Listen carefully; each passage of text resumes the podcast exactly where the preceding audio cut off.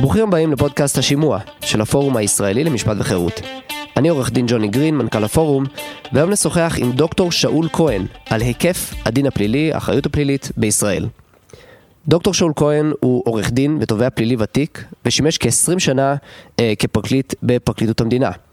אה, רובן במחלקה הפלילית המטפלת בתיקי הערעור הפליליים בבית המשפט העליון. דוקטור כהן שימש בין היתר כממונה וראש צוות במחלקה, ובתפקידו האחרון שימש כראש תחום הנחיות פרקליט המדינה, תחת שי ניצן. את תואר הדוקטור שלו השלים אה, במשפט פלילי, אה, והוא קיבל מהאוניברסיטה העברית בשנת 2020.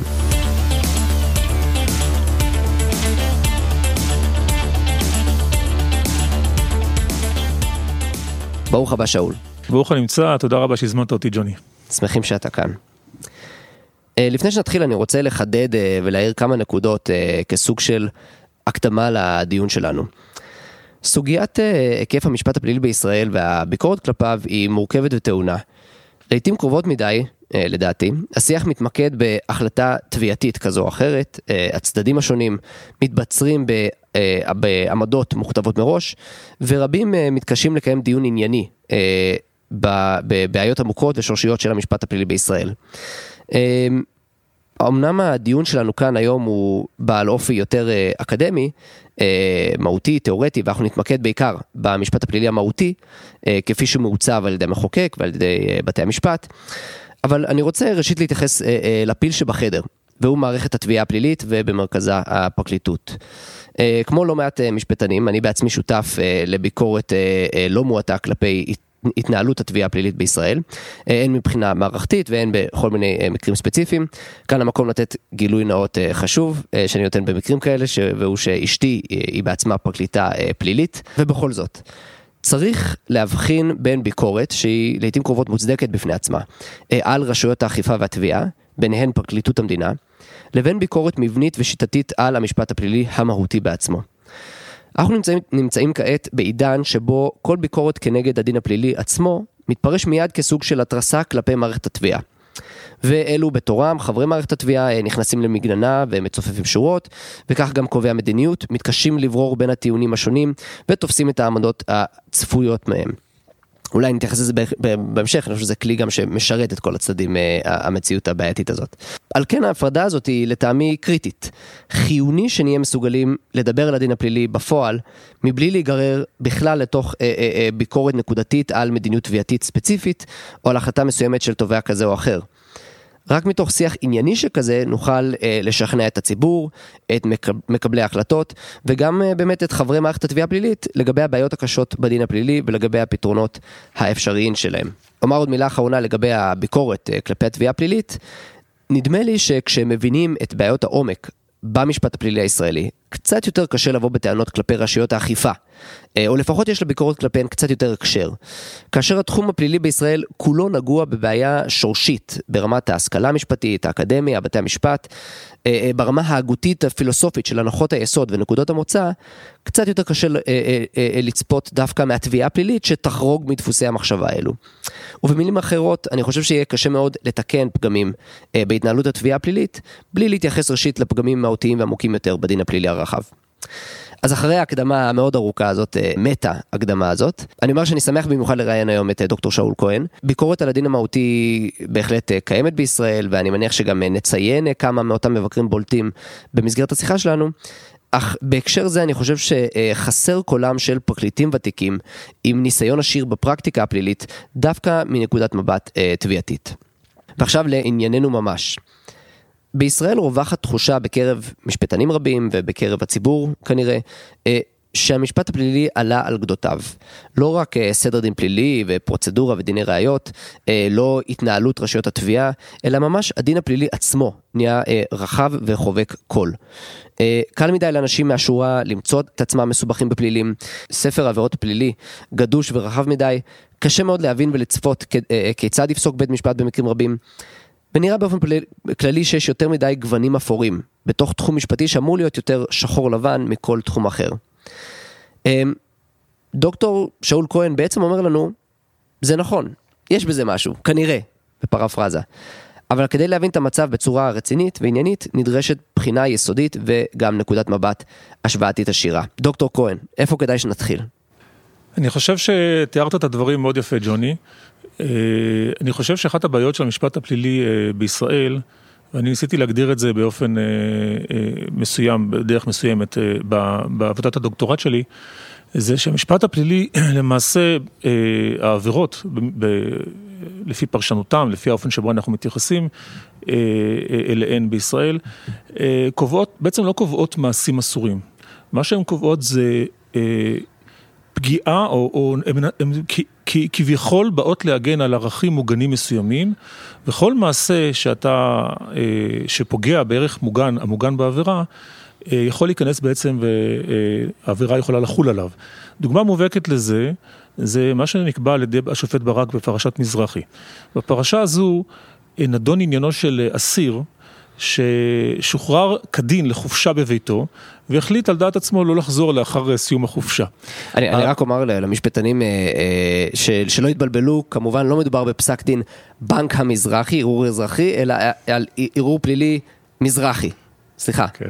זה, זה, זה המזרחי שאבו, שהוא אבוזגלו. כן. של האדם הרגיל מן היישוב, כן. בדיוק. כן. הבחור הזה לא חזר, לא חזר מחופשה. עכשיו העבירה קובעת אה, שאני לא זוכר אותה בדיוק בעל פה, אבל היא אומרת משהו כמו הבורח ממשמורת חוקית. כלומר, מי שאדם שברח ממשמורת חוקית, שזה בעצם מאסר. אה, טען הנאשם לפני בית המשפט העליון, אני לא ברחתי ממשמורת חוקית, אני לא חזרתי מחופשה, אבל לא ברחתי. קובע השופט ברק שם בפסק הדין מזרחי, ואומר, אה, למה זה משנה מה אם ברחת או רק נשארת בבית? מה שחשוב זה לשאול מהי התכלית של העבירה? התכלית של העבירה זה להגן על ערך מוגן מסוים. הערך המוגן פה זה הגנה על המשמורת החוקית. אתה פגעת במעשה שלך במשמורת החוקית, בערך הזה. לכן אתה ביצעת את העבירה. עכשיו, שים לב, זה, זה, מה שעשה כאן השופט ברק זה דבר מדהים. העבירה נוקטת בלשון מפורשת, היא באה ואומרת, הבורח, מי שברח מבית סוהר, ממשמורת חוקית, עובר את העבירה. האיש הזה לא ברח. עכשיו, אני רוצה לעשות רגע הבחנה בשני דברים. זה שהאיש עשה מעשה שהוא לא ראוי, זה ללא ספק נכון. אדם שהוא אסיר, והוא אדם שהוא שומר חוק באופן כללי, צריך לקיים את החוק, ואם הוא נשלח לחופשה של 48 שעות, הוא צריך לחזור הביתה. אבל השאלה היא כאן לא האם הוא עשה מעשה ראוי, ראוי או לא ראוי, מוסרי או לא מוסרי, אלא השאלה אם הוא עבר עבירה ספציפית שנקבעה בחוק העונשין. ואני חושב שאי אפשר לבוא ולומר על אדם, שהוא עבר, על, על הנאשם הספציפי הזה שהוא עבר עבירה, כאשר הוא לא ביצע פעולה של בריחה. אה, אני חייב לומר, כשאתה מדבר על הערך המוגן, כמובן שזה מצלצל מאוד כווריאציה פלילית של פרשנות אה, תכליתית אה, אובייקטיבית של אהרן ברק, כלומר זה איזשהו זן של הרעיון הזה של המילים של החוק. לא בהכרח חשובות.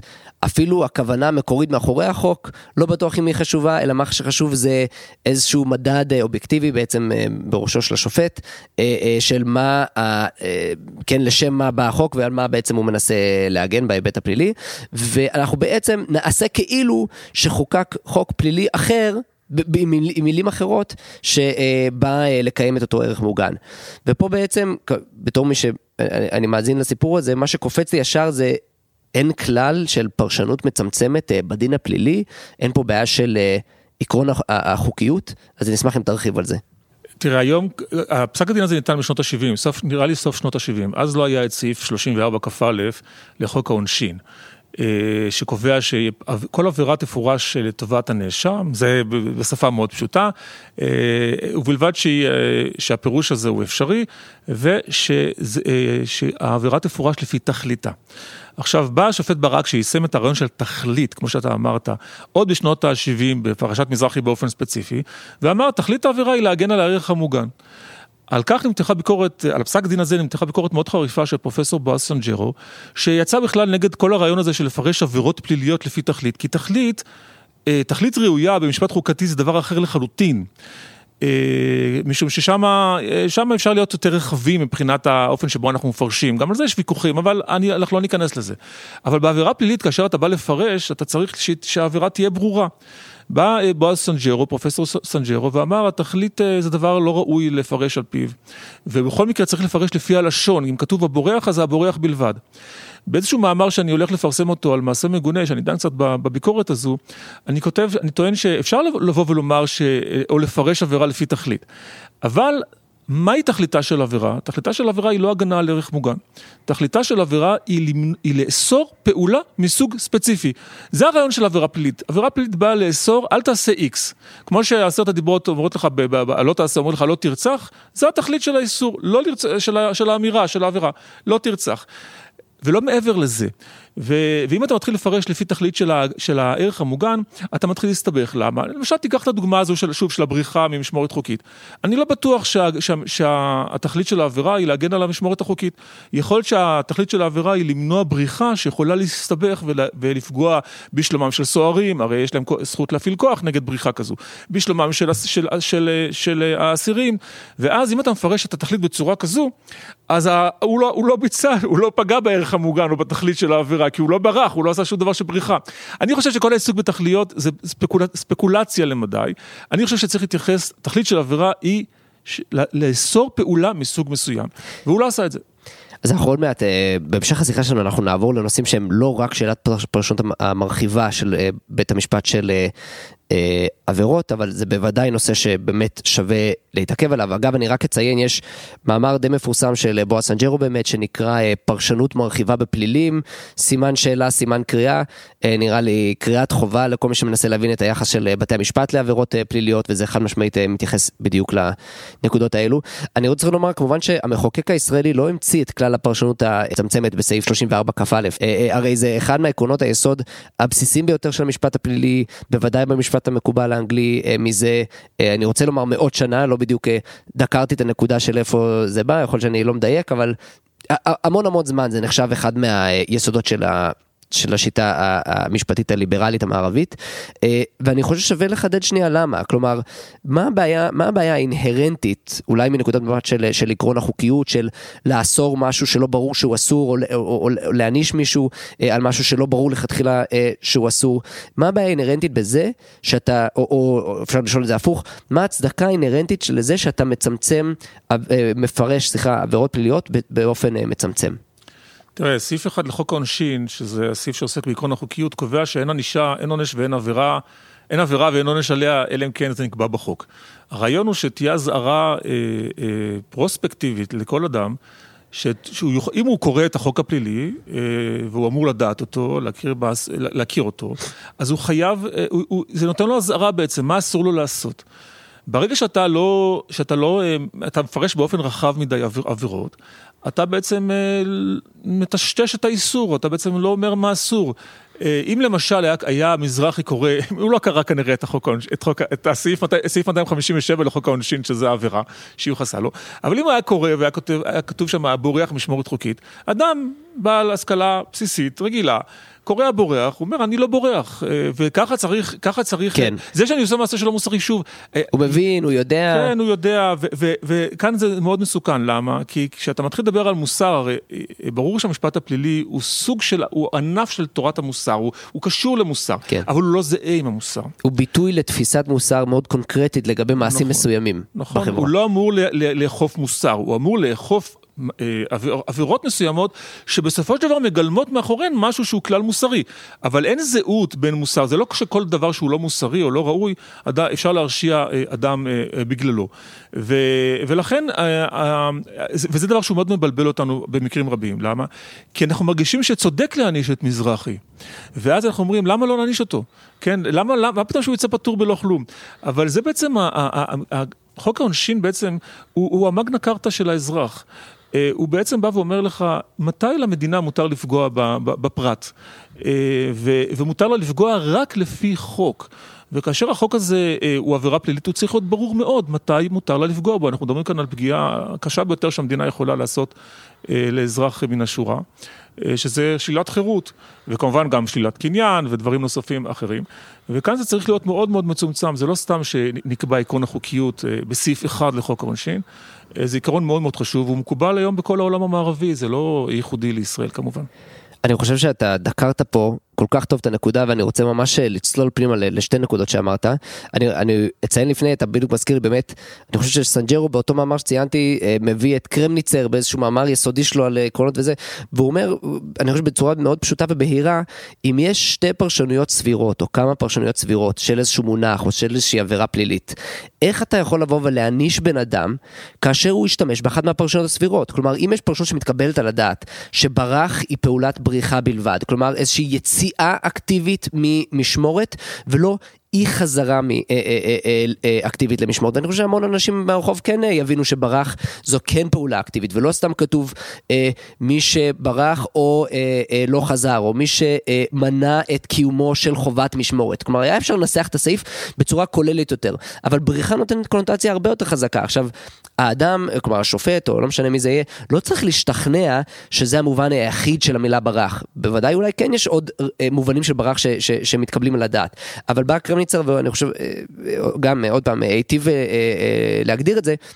איך אתה יכול לבוא ולהעניש בן אדם, וזה ממש להעניש, לשים אותו בכלא או לתת לו כאילו קנס, מה שזה לא יהיה, אה, אה, אה, על, מס, על, על, על פרשנות שהיא לחלוטין סבירה ומתקבלת על הדעת. אז זה, זה דבר ראשון. אלא אם כן ג'וני כן. אתה מעניש על, על, אתה בעצם כשאתה מעניש אתה אוכף מוסר. או. אבל אנחנו יודעים שזה לא כך, זאת אומרת, אנחנו, המשפט הפלילי, לפחות בתפיסות העיוניות שלו, במפורש מתנגד לרעיון של אכיפת מוסר. זו בדיוק הנקודה שרציתי להמשיך איתה, שאתה אני חושב ומדייק שאתה אומר זה הדין הפלילי כלומר זה לא כלל שנקבע אה, בדיני חוזים או בדיני נזיקין אפילו וכן בדיני משפחה כלומר תחומים מאוד מאוד חשובים לאדם אבל הדין הפלילי זה התוצאה היא לשים אדם בכלא לשלול את חירותו ופה עניין ההקפדה על אה, בין אם זה פרשנות מצמצמת או, או אזהרה ראויה של האזרח ו- וכולי אה, הוא עוד יותר קריטי. אבל פה אתה אומר משהו עוד יותר חשוב אני חושב שאמרת את זה מושלם. הדין הפלילי היא מגבלה על המדינה. לא מגבלה על האזרח. ואנחנו לא נדבר, כלומר זה דבר שנהוג המון לומר אותו בסדר דין פלילי ודיני ראיות ודיני מעצרים וכאלה, שם, שם יותר מקובל לומר לא, זה, זו, אל, אלו מגבלות ברורות יותר על רשויות האכיפה וכאלה. אבל פה אתה אומר, ואני חושב שזה דבר שהוא לא אינטואיטיבי והוא לא דבר, ולא כך נלמד דין פלילי בישראל. בישראל בדרך כלל אני חושב, מהניסיון שלי שיחות שלי עם, אה, עם פליליסטים, עם אנשים, כשמלמדים דין פלילי מלמדים את זה קודם כל כמגבלות על האזרח, וזו הדרך הטבעית לראות את זה, כן? כל מה שלא אה, אסור מותר, ודין הפלילי זה מעין רשימת מכולת של איסורים, מה לאזרח אסור לעשות. ו, ופה אתה אומר בעצם, לא, זה ראייה הפוכה, הדין הפלילי הוא קודם כל מגבלה על השלטון, וזה רשימה מאוד מצומצמת של מתי לשלטון מותר לבוא ולשלול את החירות של הבן אדם. כלומר, מותר, מתי מותר לשלטון לבוא, להפעיל את הכלי הזה שנקרא אכיפה פלילית, ולהכווין אותו נגד הבן אדם ולהשתמש בו בעצם, אה, ולפגוע בבן אדם באמצעות הכלי הזה, ובעצם המדין הפלילי הוא לא מגבלה על... על, על, על אנשים אה, פרסה, הוא, הוא, הוא מגבלה על השלטון שמתי אסור לו להשתמש בכלי הזה. ואז אתה בעצם בא ואומר, כשבאים מהנקודת מבט הזאת מבינים עוד יותר את הבעייתיות של אה, אה, להסתכל על הדין הפלילי כאכיפת מוסר, כ, כרעיון כזה של אם לכתחילה נקודת המוצא של הדין הפלילי הוא להגביל את השלטון, אז מוב... ל, ל, לרשימת מקרים מאוד מאוד ספציפיים שבדין הפלילי, אה, אה, אה, אה, מובן כמה זה אה, הפוך או, או, או, או לא מתיישב עם הרעיון הזה של בית המשפט ורשויות התביעה וכולי, הם בעצם באים ליישם איזשהם עקרונות אה, מופשטים וכלליים ותיאורטיים של מה ראוי ומה לא ראוי, מה אה, אה, כן, מוסרי וכולי. אז בבקשה. אני חושב שלכל הפחות צריך לבוא ולומר שזה אספקט חשוב. של המשפט הפלילי שצריך להתייחס אליו.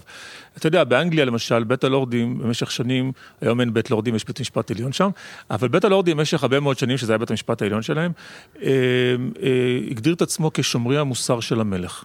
עכשיו, זה לא סתם, אה, זה לא בכדי, הם גם ראו את עצמם כ, כגוף שמותר לו לחוקק עבירות אה, רטרואקטיבית על...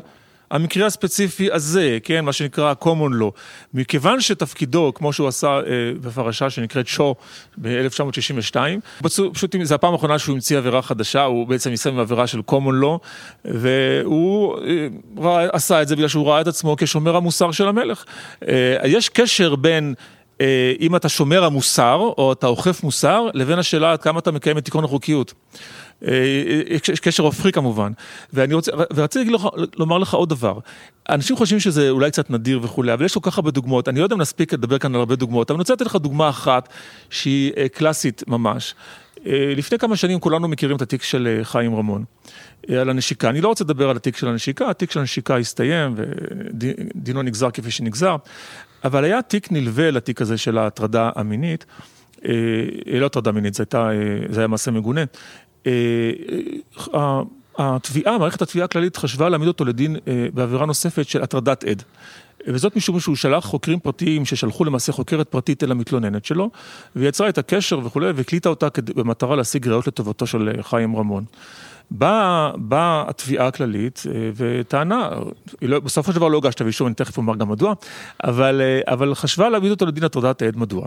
משום שאם ניקח את הפרשנות של מזרחי, והיא הפרשנות הקלאסית שהיום מקובלת במשפט הפלילי בישראל, ואולי מאוחר יותר נראה גם למה, מאיפה זה, מאיפה זה גם מגיע, אה, היא באה ואמרה, הוא עשה פעולה מסוימת, שבסופו של יום גרמה לטרדתה של, ה, של המתלוננת.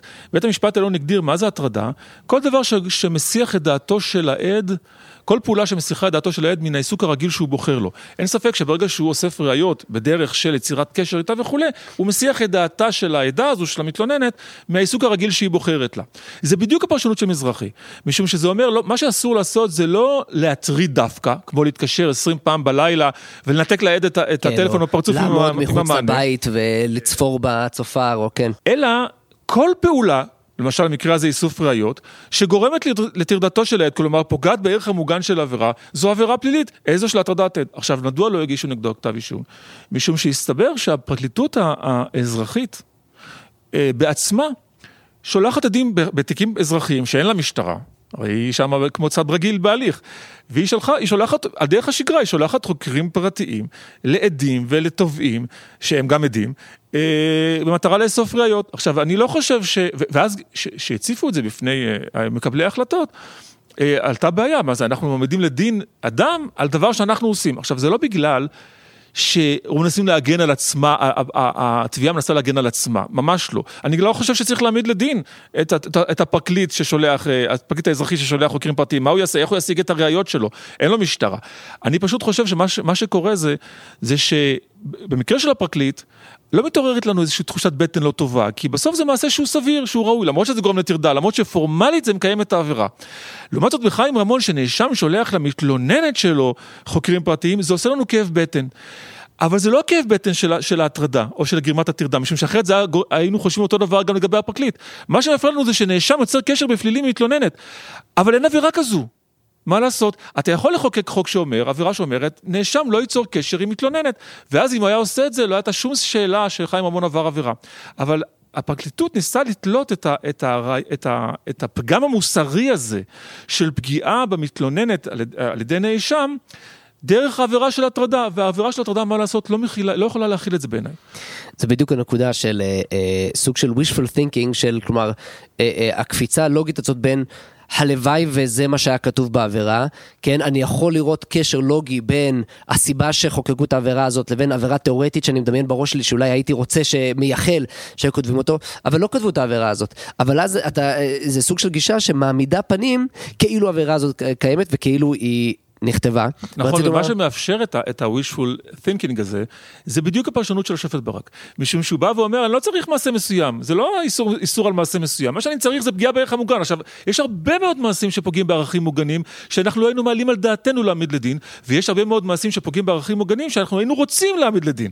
אבל כל השאלות האלה, רוצים או לא רוצים, אה, ראוי לא ראוי, זה שאלות של מוסר, הן לא שאלות של עבירה. אני צריך לשאול האם הנאשם עבר את העבירה, את המעשה, עשה את המעשה, שהעבירה הספציפי שכתוב, הטרדה.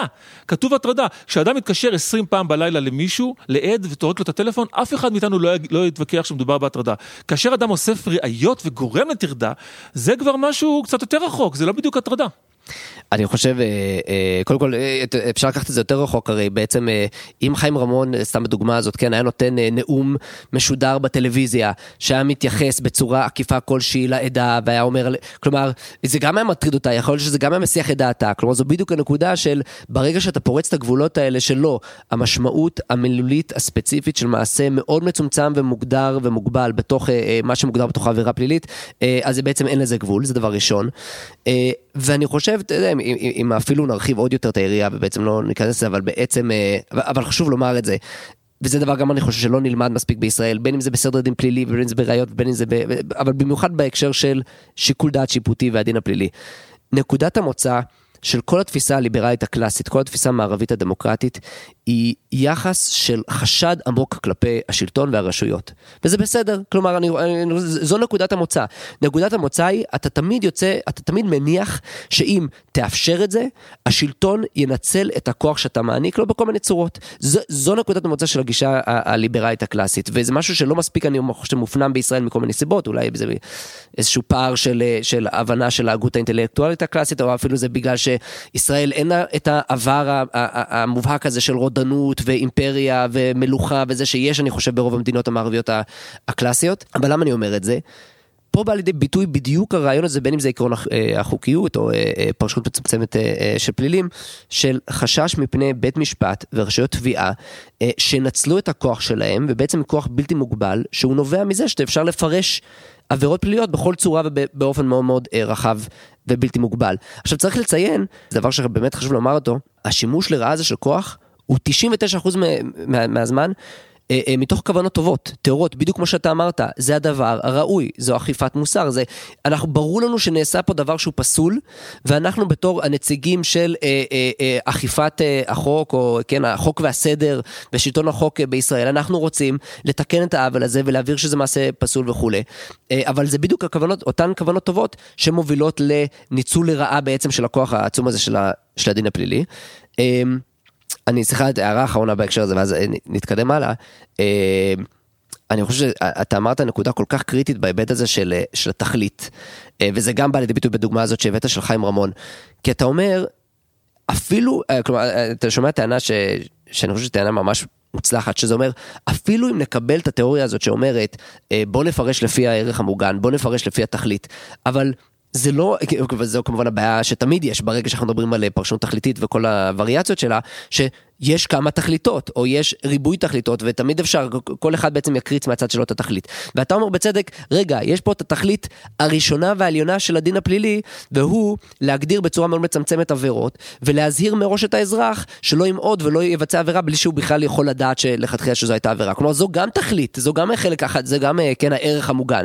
הערך המוגן, יש פה ערך מוגן של הגבלת השלטון, ערך מוגן של אי ענישה רטרואקטיבית, ו, ושל אה, הגבלת כוח שר, שרירותי של, של אה, אה, רשויות שלטון, אז בעצם אה, זה קצת שם ללעג את הרעיון הזה כאילו בא שופט או בא פרקליט ויכול לומר, אה הנה אני זיהיתי את הערך המוגן של העבירה הזאת ועכשיו אני יכול פשוט להעמיד פנים כאילו כל, החוקי, כל החוקים הפוטנציאליים והתיאורטיים שיכולים בכלל לנבוע מאותו ערך מוגן עכשיו כאילו חוקקו ואני אתייחס כאילו חוקקו. הזכרת מעשה מגונה. אני לא יכול שלא להעלות את המקרה של הדוד הפונקציונלי. ואני מניח שזה גם יעלה במחקר שאתה כותב עליו. אתה רוצה לספר לנו על המקרה הזה? תראה, אני פחות מכיר את המקרה הזה, זאת אומרת, אני מכיר אותו, אבל אני לא התעסקתי איתו כל כך. אני חושב ששם זה, זה יותר, אפילו יותר בוטה קצת, משום שכתוב דוד, ודוד זה דוד, אין מה לעשות, אם הוא לא דוד אז הוא לא דוד. אני מסכים שזה נובע מאותו מקום, אני, זה, זה נובע מ, מ, מהרעיון שבעצם אה, אה, מה שחשוב זה המהות, זה לא, ה, לא הטכניקה, אל תתפוס אותי בטכניקה. עכשיו, אמר, אמרת, אני מסכים עם מה שאמרת לגבי הביקורת על התביעה, אני רק הייתי לא משתמש במילה שימוש לכוח ניצול לרעה, לא בגלל ש... אני מבין מתי אתה התכוונת, אבל אז זה לוקח אותנו כביכול, כשאתה אומר שימוש לרעה, אתה אומר, יש שם אנשים לא טובים. זה, אני מסכים איתך להעברה שעשית מיד אחר כך, הכל מגיע מכוונות מאוד מאוד טובות. בסוף, אני הייתי משתמש אולי בחריגה מסמכות. זאת אומרת, יש סמכות למערכת התביעה הכללית לאכוף עבירות, לאכוף את הדין הפלילי. עכשיו, אם התכלית של העבירה היא לאסור מעשה מסוג מסוים, יש לה את הסמכות המלאה. ואולי אפילו החובה, לבוא ולהעמיד לדין אדם שביצע את אותו מעשה שהעבירה נוקטת בו, משתמשת בכינוי שלו. יותר מזה, אנחנו חייבים את זה. כלומר, אנחנו נהיה מדינת חוף, חוק שאוכפת את הדין הפלילי על עבריינים, אנחנו חייבים שהם יעשו את זה. בהחלט. אבל אין, לה, אין לה, למערכת התביעה הכללית סמכות לאכוף דבר שהוא לא חלק מה, מהמושג שהפעול, מושג הפעולה שהעבירה נקטה בה, כמו בריחה, כמו הטרדה, כמו למשל איומים, יש פסק דין שנקרא צוברי, שבו אה, איזושהי אישה קשת יום קיבלה איזה פסק דין נגדה, לא משנה את כל הסיפור כרגע, ואז היא, היא באה ומטיחה בשופט, כותבת, כותבת לשופטת מכתב שבגללה היא תתאבד, ושהיא כמוצא אחרון לא נשאר לה ברירה להתאבד, ושהדבר ילווה את השופטת לכל אורך ימיה, וכל מיני דברים מהסוג הזה. עכשיו, זה, אפשר לקרוא לזה איום, כי זה פוגע בערך המוגן של איומים, כי הרי מה, מה, מה הערך המוגן של איום? הערך המוגן זה שהאדם מרגיש שהוא חייב לעשות משהו שהוא לא חייב לעשות, בגלל שמישהו אומר שיקרה משהו אחר בגלל זה, כן? אז, אז היא פגעה בערך המוגן, אבל אף אחד לא יקרא לזה איומים במובן הפשוט של המילה, כמו שאף אחד לא קורא לאיסוף ראיות הטרדה, משום שמה שהיא עשתה כאן זה הביעה מצוקה, או הביעה מחאה.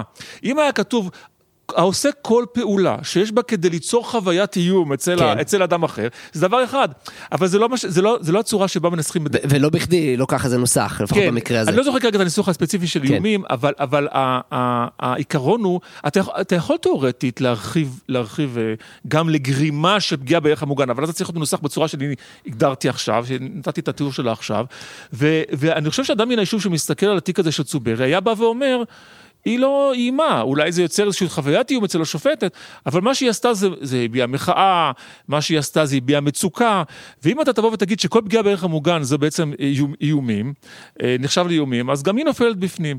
ואני חושב שזה מאוד מאוד אה, אה, מסוכן להתעסק עם תכליות, בכלל, אה, אה, אה, עם ערכים, סליחה, עם ערכים מוגנים. ערכים זה דבר מאוד מאוד חשוב. במשפט פלילי עדיף לא לדבר על ערכים, צריך לדבר על מעשים אסורים, לא על ערכים. ערכים, נכון שמאחורי כל עבירה עומד ערך מסוים, אבל ברגע שהעבירה חוקקה ופורסמה, אני כבר לא מתעסק בערכים שהיא באה להגן. אני בא להתעסק אך ורק עם מה שהיא אסרה. ובאיסור כתוב משהו מסוים, ואתה צריך תמיד ללכת איתו בצורה הכי הכי מצומצמת שלו, כפי שאנשים מבינים אותו. מן היישוב. כשהם מסתכלים אומרים הטרדה, מה זה הטרדה? זה כך וכך, זה, לא, זה דבר שגורם לטרדה, אבל זה לא הטרדה. זה דבר שגורם לאיום, אבל זה לא איום. אגב, ההבחנה המרכזית שעשיתי בדוקטורט זה בין מס, מה שאני מכנה מעשה לבין גרם מעשה. כי אה, יש לעשות משהו, ויש לגרום למשהו שהוא לקרות. מעין המעשה. כן. כן, הוא מעין המעשה, הוא פוגע באותו ערך מוגן של המעשה, אבל זה לדעתי לא נופל באופן אוטומטי בגדרה של עבירה. אני קודם כל רוצה לומר, אני מקבל חד משמעית את, את החידוד, וזה באמת חשוב, כשאני אומר ניצול לרעה של רשויות התביעה והאכיפה, אני לא מדבר כוונות זדניות, על אף שזה שם, כלומר על אף שהחשש המקורי בשיטה שלנו מבוססת גם על האפשרות הזאת, כן, גם על האפשרות שבעלי שררה ישתמשו בכוח שלהם לרעה ממש, כלומר במובן ממש רע, אה, אה, אה, בין אם זה להילחם ב... יריבים אה, מקצועיים או פוליטיים או לסגור חשבונות או סתם אה, אה, כוח וכבוד וכסף או לא יודע מה. אבל לא, לא על זה אני מדבר. כלומר זה, תמיד חייב להיות שם ואני לא חושב ש... כלומר אסור לנו להתכחש לפוטנציאל של זה.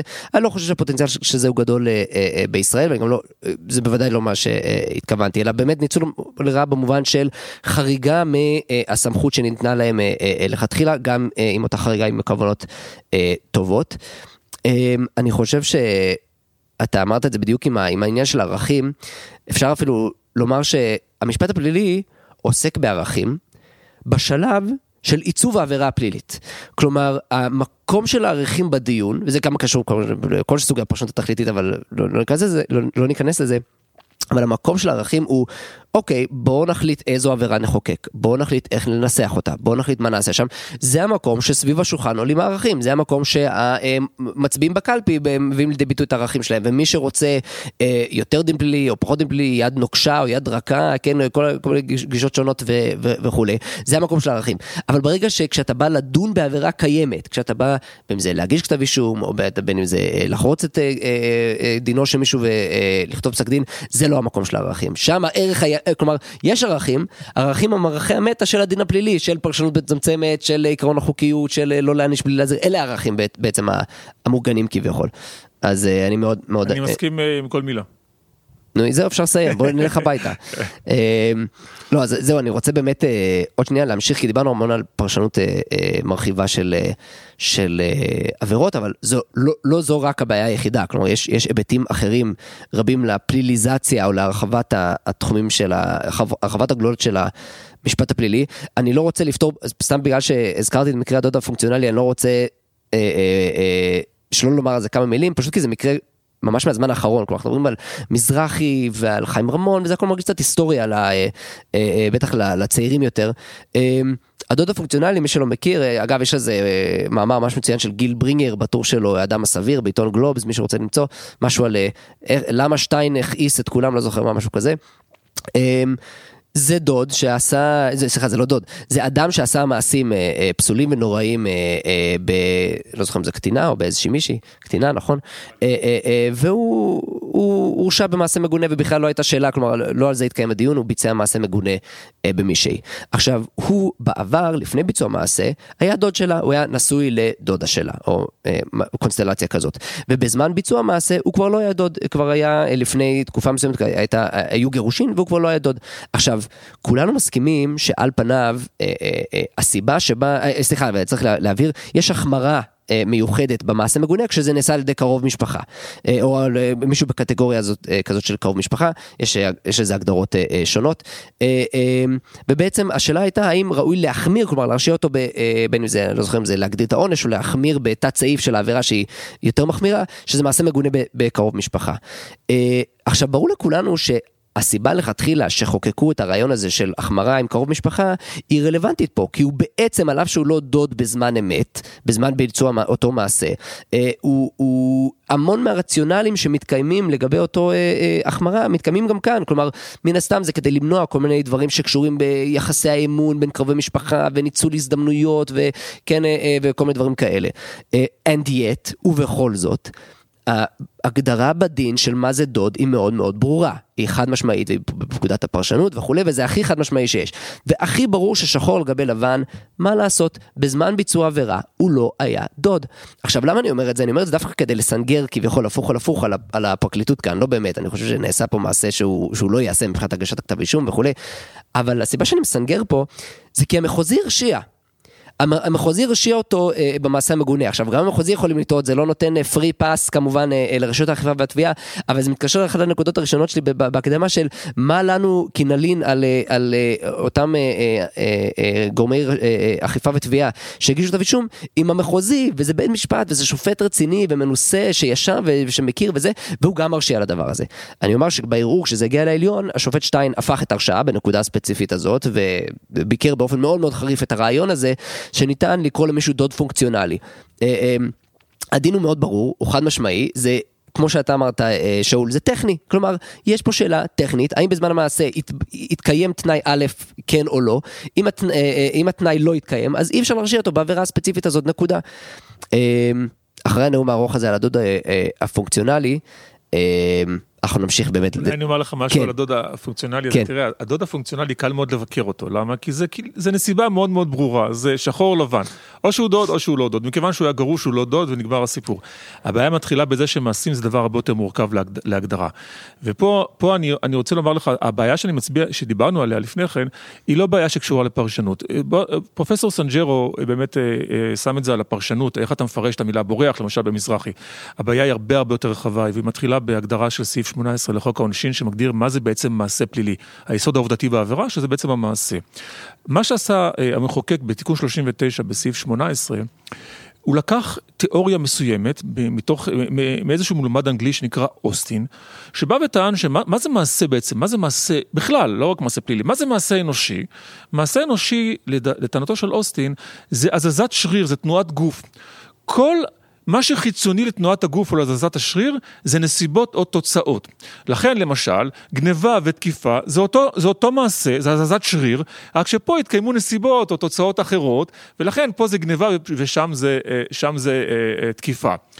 היה, הרעיון הזה בא, ונוס, בא, בא המחוקק הישראלי, למעשה פרופסור פלר הוביל את זה בתיקון 39, והגדיר, לקח את ההגדרה של, של אוסטין ויישם אותה בסעיף 18.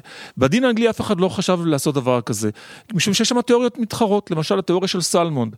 סלמונד אומר, אין דבר כזה, מעשה זה לא תנועה גופנית, מעשה זה מושג גנרי. לתקוף ולגנוב זה לא אותו דבר, רק, זה לא אותה פעולה, רק נסיבות ותוצאות אחרות. אלא זה פעולה שהיא לחלוטין שונה. אם ניקח את זה ליישום שלנו, הטרדה זה סוג גנרי של פעולה, זה לא לאסוף ראיות ולגרום לטרדה.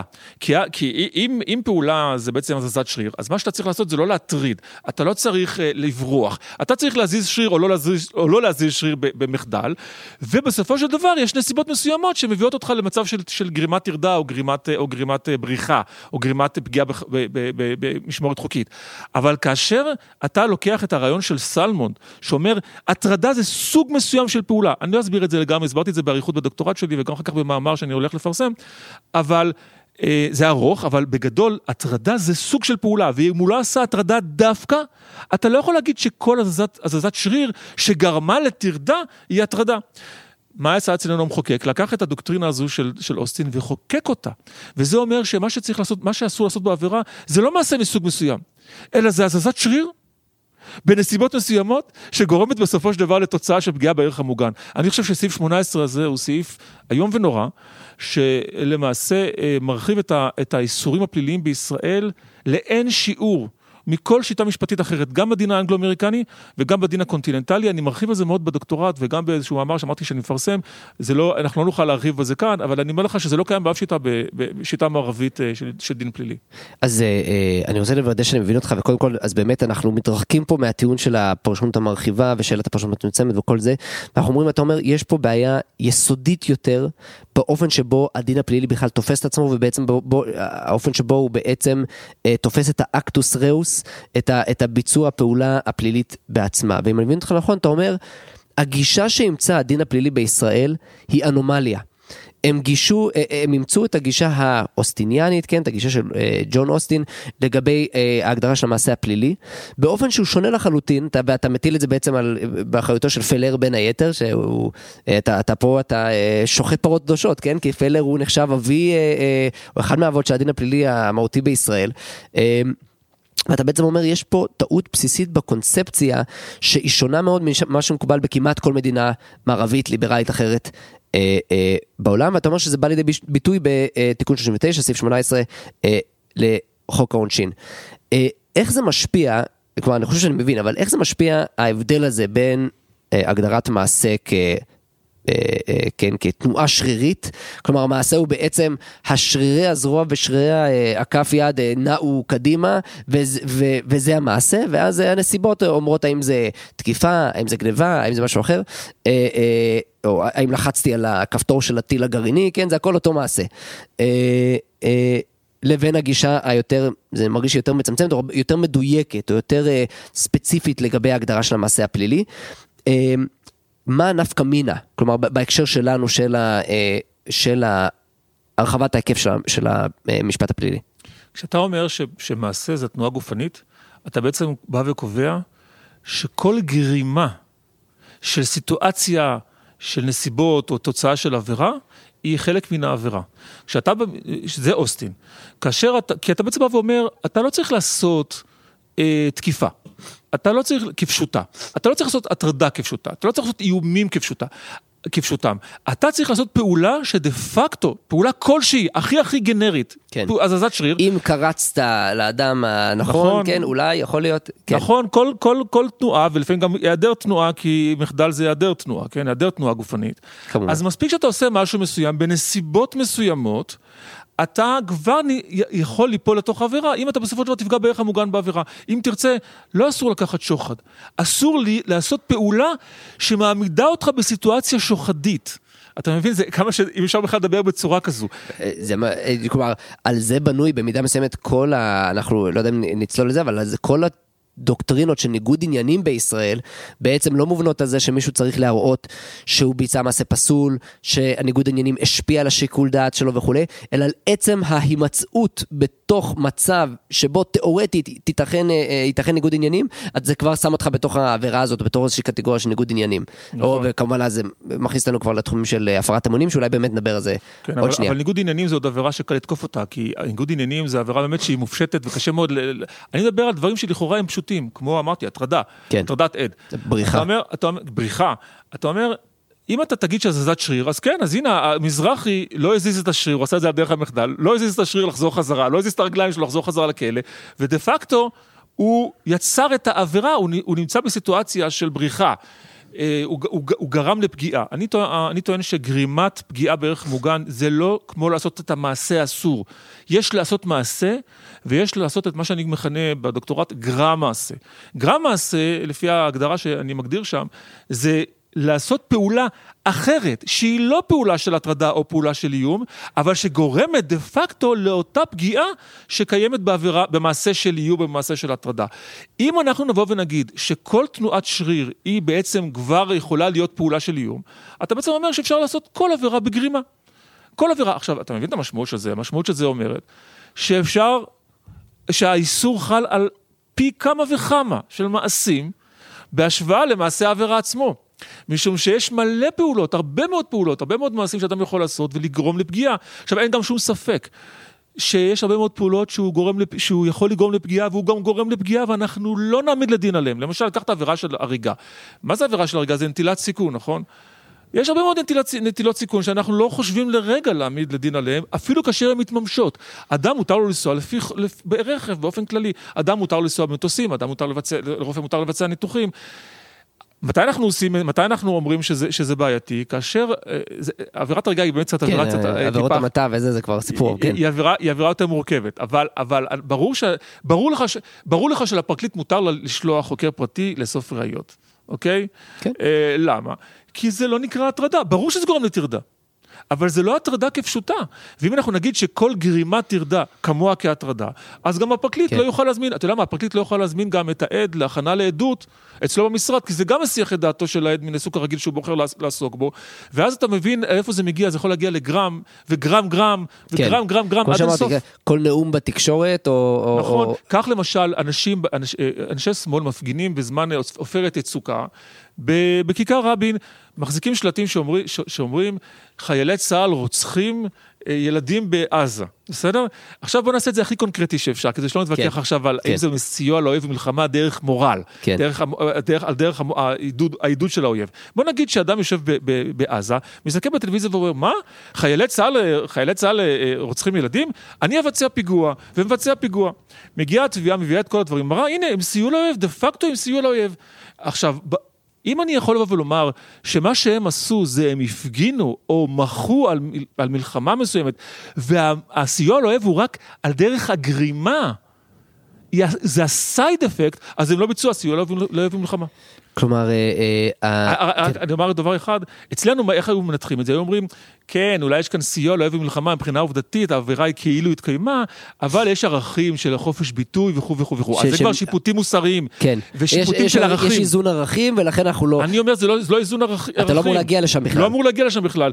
אם מדובר קודם כל בפעולה של מחאה, ורק אחר כך כסייד אפקט בסיוע לאויב ולמלחמה, אז זה לא סיוע לאויב כן. ולמלחמה, מה לעשות? כלומר, כשאתה מצמצם את הראייה ואתה אומר, אתה לא יכול אה, להפליל פעולה שהיא בעצמה לא הפעולה הפלילית. נכון. הפעולה עצמה, עצמה צריכה להיות הפעולה הפלילית, ולא גרם או תולדה או תוצאה. כמובן שיש חריגים, כלומר אפשר לומר, ברור שאפשר לקבוע חריגים שהם בכל זאת, כן, אני מוכן לקבל איזושהי תולדתיות או, או, או משהו כזה, אבל... אה, יש אה, עבירות שהן תולד- תולדתיות, כן. אבל אז הן מוגדרות אחרת, הן צריכות מוגדרות- מוגדרות אחרת. אז זה ברור, ברור שיש עבירות שאנחנו רוצים, אבל הדיפולט, נקודת המוצא היא שזה חייב להיות המעשה עצמו, ואז, כשזה המצב, אתה בכלל לא צריך להיכנס לפינות האלה של, כן, הוא עבר את העבירה, אבל יש פה ערכים מוגנים אחרים, ואני עושה פה איזון ערכים, וכל מיני, ו- וכל הפוילישטיקים האלה שמעניקים אה, שיקול דעת אינסופי ותהומי לשופטים, אבל וזה- וזה זה הנקודה. הכי חשובה לדעתי, בין- בין- במחלוקת שבין אוסטין לסלמונד. אה, אז, אז לסכם את הנקודה הזאת בעצם, אה, השאלה היסודית הזאת של הגדרת המעשה הפלילי, האקטוס ראוס, אה, אה, סתם כי אנחנו משפטנים פלצנים, תמיד צריך לדחוף איזה, איזה ביטוי בלטינית של תלמידי שנה א', אה, הוא מרחיב לאין שיעור את, ה, את היקף האחריות הפלילית של הפרט של האזרח, והוא מכניס תחת המטריה של אותה עבירה, מילולית אותה עבירה, כלומר אותם מילים של אותו חוק, אותה עבירה. בגישה האחת, בגישה של אוסטין, בגישה של פלר, בגישה הישראלית, זה מכליל תחת אותה מטריה הרבה הרבה יותר עבירות, הרבה יותר אחריות פלילית, הרבה יותר, אה, אה, היקף הרבה יותר גדול של מעשים שניתן להעמיד אה, עליהם לדין, לעומת הגישה של סלמונד, אה, אה, שעל פניו היא הגישה שמאומצת ברוב המדינות, בוודאי באנגליה וברוב המדינות הדמוקרטיות, אה, אה, שהיא גישה לכתחילה הרבה יותר מצמצמת מבחינת הגדרת המעשה הפלילי האסור בעצמו. אני, אני רוצה לומר שבעצם מובן שיש פה שילוב. כלומר, ברור שיש לך פה איזשהו, אפילו אני אומר, איזשהו ערבוב ארסי ומאוד מסוכן בין הגישה הזאת לבין פרשנות מרחיבה. כלומר, שתאורטית כל אחת יכולה להתקיים בפני עצמה, אתה מבין איך גם אחד נובע מהשני, כלומר זה, אבל זה בעצם, זה כן שני טיעונים שונים, כלומר זה כן שני, אה, אה, שתי גישות ש, ש, שקיימות זה, אה, זו לצד זו, ויש לך מצב שהם הם הולכים סוג של ביחד, אז סתם בראש שלי עולה אפשר לדבר על זה, אה, בראש שלי עולה אה, עבירת הפרת אמונים. שיש עליה המון המון ביקורת, אנחנו לא- לא יודע אם נצלול אה, כאן לעניין הזה, אבל אה, זה מרגיש לי איכשהו משלב גם וגם, כלומר זו גם עבירה שלכתחילה אה, אה, נראה שהיא בעצם ההגדרה שלה היא סוג של, לכתחילה הגדרה היא עמומה. ואחת מהסיבות שכנראה שלמים עם הגדרה עמומה כזאת, זה, זה כי לא אפילו מנסים להגדיר לכתחילה איזשהו מעשה פלילי שהוא מובהק. עכשיו אם גם ככה לא דחוף לך להגדיר מעשה פלילי שהוא מובהק, שהוא מובהק אז אתה יותר שלם מלהגדיר עבירות שהן יותר בעלות כזה מעין אה, אה, אה, עמימות ותכול רחבה, ובמקביל, מאחר ויש עבירה כזאת, יש פרשנות שיפוטית מרחיבה או עמומה או אה, מאוד רחבה לעבירה הזאת. אני מסכים אה, ממש, ג'וני. אני חושב שהבעיה מתחילה בזה שבכלל מלכתחילה אה, כל העבירות הן די עמומות, משום שאם אה, זה הגנה על ערך מוגן, כמו שאמרתי, וכל גרימה לפגיעה בערך המוגן זה עבירה, אז למה, למה היא שונה כל כך, העבירה של הפרת אמונים? עכשיו, יש בה שוני מסוים, כי קשה אפילו להגיד מה זה הפרת אמונים, בהשוואה נגיד להטרדה או לתקיפה. מבחינת התוכן זה יותר עמום. אבל אין איזה בעיה עקרונית. אני שומע הרבה מאוד ביקורת כל הזמן על הפרת אמונים, ואני אומר לעצמי, זה, זה לא, אנשים לא מבינים כמה הבעיה הרבה יותר חמורה מזה. זה הפרת אמונים זה, זה עבירה שאנשים יודעים שיש בה בעיה, ובית המשפט יודע שיש בה בעיה, אז הוא יכול להזהיר את עצמו. הוא לא מרגיש שיש בעיה כשהוא מיישם את ההטרדה. אני אומר לך שאם היו מעמידים לדין את חיים רמון, אני כמעט משוכנע שהוא היה, שהוא היה מורשע. אי אפשר כמובן לדעת. על הטרדת עד, כן. כן. משום, משום, ש, משום שזה כאילו מתבקש, מה זה שנאשם בפלילים, בטח שר, רם ונישא על איזה מתלוננת יחסית צעירה. שולח חוקר שולח פלילי. כן, ומטריד אותה ככה. ולמרות שהפעולה הזו... אה, אפשר לומר עליה גם משהו, אתה יודע, אה, אה, א', אחרים עושים את זה, לא יכול להיות שאם הפרקליטות עושה את זה והיא לא, לא עומדת לדין, אז שנאשם לא יכול לעשות את זה, ושוב, מבחינה מוסרית אתה, אתה יכול להחליט שאתה עושה עבירה נוספת, אבל, אבל זה לא, כל עוד זה לא קיים, אתה לא יכול לעשות דבר כזה. ולכן הבעיה היא, הבעיה היא רחבה לאין שיעור מהעבירה של, של הפרת אמונים. בסדר גמור, אנחנו לא, באמת לא ניצול להפרת המונים, אני, אגב, אני אומר שאם כבר הזכרנו את אנגליה וקצת השוואתי, אנגליה עכשיו באיזשהו תהליך, שכמעט סיימו אותו להבנתי, שמסירים מספר החוקים שלהם את העבירה המקבילה, את העבירה המקור, המקורית, misconduct in public office, שזה המקור שעליו מבוסס הפרת המונים, מאותן סיבה, מאותן סיבות של הביקורת אה, אה, הישראלית על אותה עבירה. אני חושב שגם הפרת המונים, אתה אומר בצדק, זה, זה לא הבעיה, אני חושב שזה גם מתקשר לשאלות אחרות שקשורות לחששות ה... הראשוניות המקוריות שדיברנו עליהן של חריגה מסמכות או של חששות מפני הכוח אה, הרב מאוד של אה, האכיפה הפלילית ושל, ה, אה, אה, ושל השלטון אה, אה, עצמו. אה, סתם אתה, אתה הזכרת לי בעצם אני חושב בכמה הקשרים של השיחה הזאת אחת הבעיות שאני לפעמים מזכיר אותם באופן רחב יותר, זה איזושהי חוסר סבלנות של בתי משפט או של המערכת המשפטית, ולמה אני מתכוון? אתה אמרת פה ממש בצדק רב, כאילו, אולי זה ירגיש לנו לא מוסרי, אולי זה ירגיש לנו לא תקין, אבל מה לעשות, הדין לא אוסר את זה. עכשיו, אנחנו חיים במדינה שבה לפעמים, אה, אה, אם אתה אומר זה מתבקש, או אתה אומר לא יעלה על הדעת, זה נחשב להיות אה, נימוק משפטי קביל. ויש החלטות עצומות, חוקתיות, הרות גורל וכולי, שנופלות על, ה, על הביטוי הזה לא מתקבל, לא יעלה על הדעת. וזהו, ו... וככה אה, פתרנו את העניין. אז אה, הבעיה היא כנראה אה, אה, לא רק שם, אבל יש פה איזשהו עניין של... אה, אה, אה, הפתרון במקרה כזה הוא אפילו בין אם זה שופט או בין אם זה אה, הפרקליטות בהחלטה שלהם שלא להעמיד לדין או מה שזה לא יהיה, לומר בצורה מאוד מאוד נחרצת שהיה פה משהו, משהו אה, אה, אה, אסור, או שהיה, הייתה, או, או סליחה, משהו שהוא לא ראוי, או שיש ביקורת על המעשה, או שלדעתם, אה, אה, וכמובן להפנות, אגב, לפרקליטות, למשרד המשפטים וכולי, יש כלים מאוד מאוד משמעותיים לקדם אה, חקיקה, כלומר יש שיח תמידי בין הפרקליטות לבין אה, אה, אה, ייעוץ חקיקה, ואז מול המחוקקים כדי לתקן, אה, אה, לקדם תיקוני חקיקה וכולי. אז אה, ואם אני אקח את הדוד הפונקציונלי, כלומר זו הייתה הזדמנות לבוא ולומר, בואו נתקן את החוק, כלומר אם יש פה איזשהו חור בחוק, בואו נתקן אותו, אבל לא נתקן אותו על הגב של האזרח, אה, אה, אה, שבעצם הוא, הוא ישלם את המחיר, כלומר בואו נתקן את, את הדין על גב האזרח שבעצם לא יכל לדעת מראש אה, שזה הדין. אני חושב שאנחנו צריכים להיות לקראת אה, סיום, ודיון ממש מרתק. אה, מסקרן אותי סתם אם יש עוד עבירות, עוד דוגמאות מבחינתך בראש שלך, ש... אה, אה, את זה אה, לידי ביטוי, את הגישה הזאת. כי אני רוצה לומר, יש פה, יש פה ביקורת על. בתי המשפט ועל רשות התביעה, אבל ברור שהביקורת היא, ועל אקדמיה וכולי, אבל הביקורת היא קודם כל כלפי המחוקק. המחוקק הוא זה, גם אם זה מתוך ברות או חוסר מודעות, אני לא חושב שזה פותר אותו. המחוקק בא ומחוקק כל מיני חוקים שהם נראים לנו סופר בעייתיים, נתת אה, אה, כמה דוגמאות, סתם תוהה אם יש לך עוד דוגמאות בראש כן, שלך. אני אתן לך- אני אתן לך עוד דוגמה אחת טובה, אני רק אומר לך שההשלכה של סעיף 18 היא הרבה הרבה יותר רחבה אפילו ממה שדיברנו כאן, כי דיברנו רק על המעשה, יש לזה השלכה על כל הנושא של מנסרה, מה שנקרא יסוד נפשי, אבל אנחנו לא דנים בזה כאן. זה מאוד מאוד. רחב. אבל אני אתן לך דוגמה, בהנחיית פרקליט המדינה 2.2 שעוסקת בעבירות שנלוות לזנות, בסוף ההנחיה, אני לא זוכר את הסעיף המדויק, אה, היא היא עוסקת בשאלה מה קורה כאשר אה, בעל בית דפוס מדפיס אה, חומרי זנות. אה, לפי בקשה, הזמנה של, של, ה- של המפרסם בפועל, הוא הולך ומפרסם את זה, אבל הוא צריך כדי, כדי לפרסם להדפיס את זה. אומרת ההנחיה, אין מניעה להעמיד לדין אה, בעל בית דפוס. עכשיו שם זה קצת יותר מורכב משום שיש הגדרה של פרסום, אני לא אכנס לזה, אבל ההנחיה בכלל לא עוסקת בהגדרה של פרסום בחוק העונשין. היא יוצאת מתוך הנחה שברור שאפשר, למה? כי אם אתה מפרסם, אתה חוליה בלעדי העין בתוך שרשרת הפרסום, ולכן אתה, אם, סליחה, אם אתה מדפיס. אם אתה מדפיס, אתה שרשרת בתוך החוליה, זאת אומרת, אתה לא צריך דווקא לפרסם. העבירה אומרת, המפרסם, אתה לא צריך דווקא לפרסם. מספיק שאתה מדפיס, ובלעדיך עין, כלומר, שוב, תנועה גופנית כלשהי, לאו דווקא פרסום, שבסופו של דבר הביאה או, גר, או, או גרמה למצב של פרסום, גם על ידי אדם אחר, אבל לא חשוב, אתה אוטומטית בפנים. אני חושב שזה ממש לא מובן מאליו. ושוב, זה לא אומר שזה מוסרי להדפיס חומרי זנות. זה רק אומר שהעבירה של פרסום זנות לא חלה עליו, מה לעשות? אתה יכול לה- להחליט ש, שאתה אוסר לא רק פרסום, אלא גם הדפסה. אגב, יש חוק כזה, בחוק הטרור יש עבירה נפרדת להדפסה, החזקה, הפקה של חומרי, חומרי הסתה. אגב, זו דוגמה פנטסטית, כי זה בדיוק, זה, זה אפילו עוד יותר ממחיש את זה שאם אין...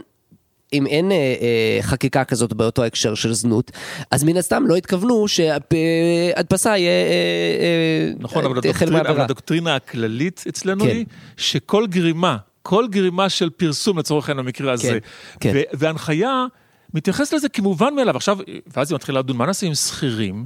שעובדים אצל בעל בית כן, הדפוס. מי לחץ על הכפתור כן, של המדפסת? בוא ניזהר עם זה. עכשיו, למה ניזהר? זה שיקול דעת. כן, כן. זה שיקול דעת. עכשיו, למה כן. שלא נלך רק לבעל בית הדפוס? בוא נלך לקוראת היערות באמזונס. כן, עכשיו, לגמרי. אה, מה, מה ישיבו לך? ישיבו לך, הוא לא יודע שזה יפרסם זנות. ואם מישהו יגיד לו, העץ הזה הולך לבית דפוס ספציפי בתל אביב, ששם מפרסמים עכשיו זנות, אז הוא יעמוד לדין על הדבר הזה? אז יגידו לך, לא, זה שיקול דעת. אבל אני אומר, זה לא שיקול דעת. לכרות יערות באמזונס זה לא לפרסם.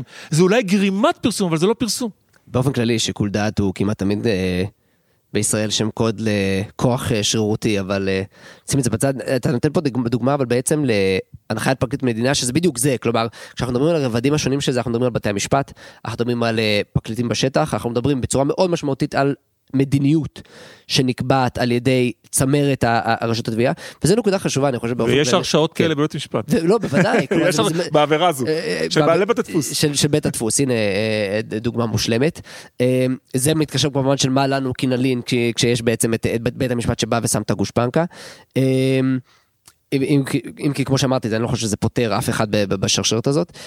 זה כן נקודה מאוד מאוד חשובה, כלומר צריך לזכור, וזה משהו שאתה אמרת לפני כן בצדק, כלומר כשאנחנו מדברים על הפרקליטות או רשויות האכיפה, 95% מהזמן אנחנו לא מדברים על הפרקליט מהשורה, אה, אה, אה, או הפרקליטה מהשורה, כן, פה שוב הכוכבית של הגילוי הנאות שלי, אבל בעצם אלו אנשים שהם חלק מהחוק והסדר במדינה, הם אנשים ששמים את העבריינים בכלא, הם 98% מהזמן עושים את העבודה שלהם נאמנה, ובאים לעבריינים אמיתיים ושמים אותם בכלא, כלומר משכנעים שופט שצריך להעניש מישהו על עבירה, וזה לרוב בצדק. וחלק מהבעיה היא באמת, זה משהו שאני חושב המון לא מספיק מקבל את הדיון ב- ב- אה, בזרקור הציבורי, זה בעצם קביעת המדיניות ברמות המאוד מאוד גבוהות של אה, אה, הפרקליטות ורשות התביעה וכולי, כמו הנחיות פרקליט המדינה, שזה קביעת מדיניות תביעתית דה פקטו, לא בהכרח שנובעת מחקיקה או אפילו מפסיקה, כלומר זה לפעמים סוג של אה, מערב פרעה, אתה כמובן אני לא רוצה להפריז, כלומר, עוד פעם, רוב ההנחיות זה כלי מאוד חשוב שצריך אותו בשביל הפרקליטים.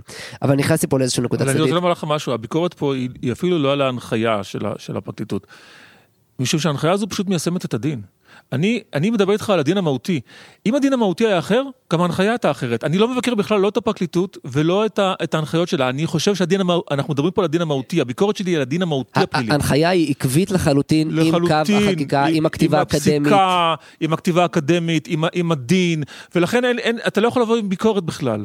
אה, אין שום בעיה בהנחיה הזו מבחינת הדין הקיים. עבירה אחת שקפצה לי לראש בהקשר הזה, ואנחנו ממש לקראת סיום, היא עבירת ההסתה לגזענות. ואתה תגיד לי, לא יודע, אולי אני סתם, אני לא, יכול להיות שאני לא מבין בזה, בזה מספיק. אחת התחושות שלי זה שיש עבירת הסתה, באופן כללי, כלומר יש עבירת הסתה ויש הסתה לבצע עבירה אחרת. כלומר, קיים תמיד עבירת הסתה, כלומר, כסל, יש, לא יודע אם זה אה, בעצם אה, שידול, בעצם יש עבירת שידול. בעבירת שידול בעצם היא סוג של עבירת הסתה שאומרת, אה, אה, אה, אה, כן, אני אשדל מישהו אחר לבצע עבירה ספציפית. יש עבירה של הסתה לטרור, אבל בעצם ההסתה לטרור הוא הסתה למעשים שהם בפני עצמם מהווים ברובם פעולה פלילית. כלומר, הסתה לטרור, זה, מה זה טרור? טרור זה פעולה שהיא בעלת מאפיין פלילי מובהק. הבעיה מהסתה לגזענות, וכן, נאמר משהו שהוא מובן מאליו ומפגר אפילו, כן, ברור שאני נגד גזענות ואני לא גזען, אני לא חושב שגזענות זה דבר טוב, אבל אין עבירה פלילית של גזענות. מותר לפי החוק להיות גזען. אז אני לא מדבר שנייה על אה, אפליה גזענית אה, אה, ברמת הביצוע, כן? שאגב, לפעמים יש עבר, כאילו... יש בעיות מאוד מהותיות עם עבירות פליליות של אפליה גזענית, אבל נשים את זה בצד שנייה. מותר לפי החוק להיות גזען, מותר לפי החוק לעמוד ולומר, אה, אני מאמין על אה, עליונות אה, גזע Y על פני עליונות גזע X, זה מותר, זה מאוד מצער, זה רע מאוד, מותר לבוא, כן, ברוב המדינות בעולם מותר אפילו לומר, הגזע הארי עליון והגזע היהודי נחות. מותר, זה, אם הוא יבצע משהו על בסיס אותה אמירה הזו, אולי זה יהיה לא חוקי וכולי. למה אני אומר את זה? כי הסתה לגזענות זה מעין הסתה למעשה שהוא לכתחילה לא פלילי. אז כלומר, מרגיש לי שזה בדיוק בקטגוריה הזאת של אין מעשה אה, מוגדר, כלומר אין מעשה פלילי מוגדר, יש פה פתח לפרשנות אה, אה, רחבה. מה אתה אומר על זה? אני לא זוכר כל כך את העבירה, זה נורא תלוי איך היא מנוסחת, אבל יכול להיות בהחלט סיטואציה שבה המחוקק בא ואומר, אה, אה אני לא עוסק את זה, לא אוסר את העבירה כשידול, שידול זה עבירה נגזרת. אני אוסר מעשה בפני עצמו, הסתה לגזענות זה מעשה בפני עצמו. הבעיה, השאלה היא איך, איך מוגדרת העבירה. אם למשל זה, אה, היא אומרת, העושה כל דבר, העושה דבר או דבר מסוג מסוים שגורם ל, ל, לאנשי, להסתה לגזענות, אז זה דבר אחד, ואז האיסור הוא מאוד מאוד רחב. אבל תאר לעצמך שכתוב, המסית לגזענות, לגזענות דינו כך וכך. בסדר? המסית לגזענות חייב להתפרש כפשוטו. כלומר, זה לא כתיבת פסק, אה, פסק הלכה, שאולי הוא, אה, מי שיקרא אותו עלול לחשוב שהיהודים עליונים על ערבים או משהו כזה מהסוג הזה שהיה באלבה, בפרשת אלבה, ואז אה, זה יגרום לכך שזה תהיה הסתה לגזענות. אלא אם כן העבירה נוסחה, שוב, בצורה של העושה כל דבר, או העושה דבר מסוים, והוא עשה את הדבר המסוים הזה שגרם להסתה. מבחינת, רוצה... מבחינת הביקורת שלך, אני לא יודע אם אני שותף לה, כי, כי יש הבדל בין, בין מעשה העבירה עצמו, אתה יכול לפעמים לאסור, למשל, התאבדות אינה אסורה. אבל שידול התאבדות, אני לא זוכר אם זה עדיין אסור היום או לא, היה על זה ויכוח, אה, אה, לפחות זו הייתה תקופה שזה היה אסור. לפעמים המחוקק אומר, אני לא אוסר את העבירה עצמה, אבל אני כן אוסר מעשה אחר, אני לא אוסר, לא אוסר מעשה מסוים, עצמו, אני, כן. אני אוסר מעשה אחר שגורם למעשה הזה. והדבר הזה זה יכול לקרות לפעמים בדין הפלילי, אני לא בטוח שזה בלתי אפשרי. מעניין, אני כן אקריא את העבירה, סתם כי okay. אני, אוקיי. זה מאוד מתקשר לכל הדיונים שלנו פה. אה, אני רק אומר, העבירה עצמה היא סעיף 144ב לחוק העונשין. פרסום דבר במטרה להסית לרדיפה, השפלה, ביזוי, גילוי איבה, עוינות או אלימות, או גרימת מדנים. עכשיו אגב, פרסום דבר במטרה להסית לגרימת מדנים, כן, כלומר, כלפי ציבור או חלקים של האוכלוסייה, והכל בשל צבע או השתייכות לגזע או למוצא לאומי אתני. טוב, אפשר להמשיך את הדיון הזה. ההגדרה של העבירה הזו היא הגדרה מאוד בעייתית, אבל בהקשר שאמרתי לך שאני לא יכול לדבר איתך עליה היום. כי מה היא אומרת? היא אומרת כל פעולה המפרסם דבר, לא, לא כל פעולה, פרסום של דבר כלשהו, אבל כל דבר, גם אם הוא עצמו לעצמו הוא בכלל לא גזעני. אבל מתוך מטרה של גזענות, אתה כבר זה הופך את זה לגזענות. אני חושב שזה ענישה על מחשבות. משום שאם אתה לא מפרסם גזענות, או לא מסית לגזענות, אתה לא עושה מעשה של גזענות, לא משנה מה המטרה שלך. וזה כבר ההשלכות הנוספות שיש להגדרה של מעשה, שאמרתי לך שאנחנו לא נוכל להיכנס אליהן. תודה רבה רבה אה, עצומה ל... דוקטור שאול כהן, אה, ברגע שאתה תפרסם את המאמר שלך או את המאמרים שלך, אנחנו נדע גם אה, לפרסם אותם ולשים אותם בניוזיטר ובתיאור של הפודקאסט. תודה רבה ג'וני, תודה שהזמנתם אותי והיה כיף אה, להיות איתך ביחד היום. שמחנו שבאת. תודה רבה לכל המאזינים. אזמין אתכם להצטרף לפורום הישראלי למשפט וחירות, לעשות לנו לייק לעמוד הפייסבוק ולהצטרף כחברים באתר שלנו lawforum.org.il. נשמח תמיד לקבל כל פידבק, המלצות לנושאים ולמרואיינים, הצעות לפעילות של הפורום וכל דבר אחר. לבסוף, אזכיר שהפורום לא נוקט עמדה רשמית בסוגיות אקטואליות ואינו תומך במהלכי מדיניות ספציפיים.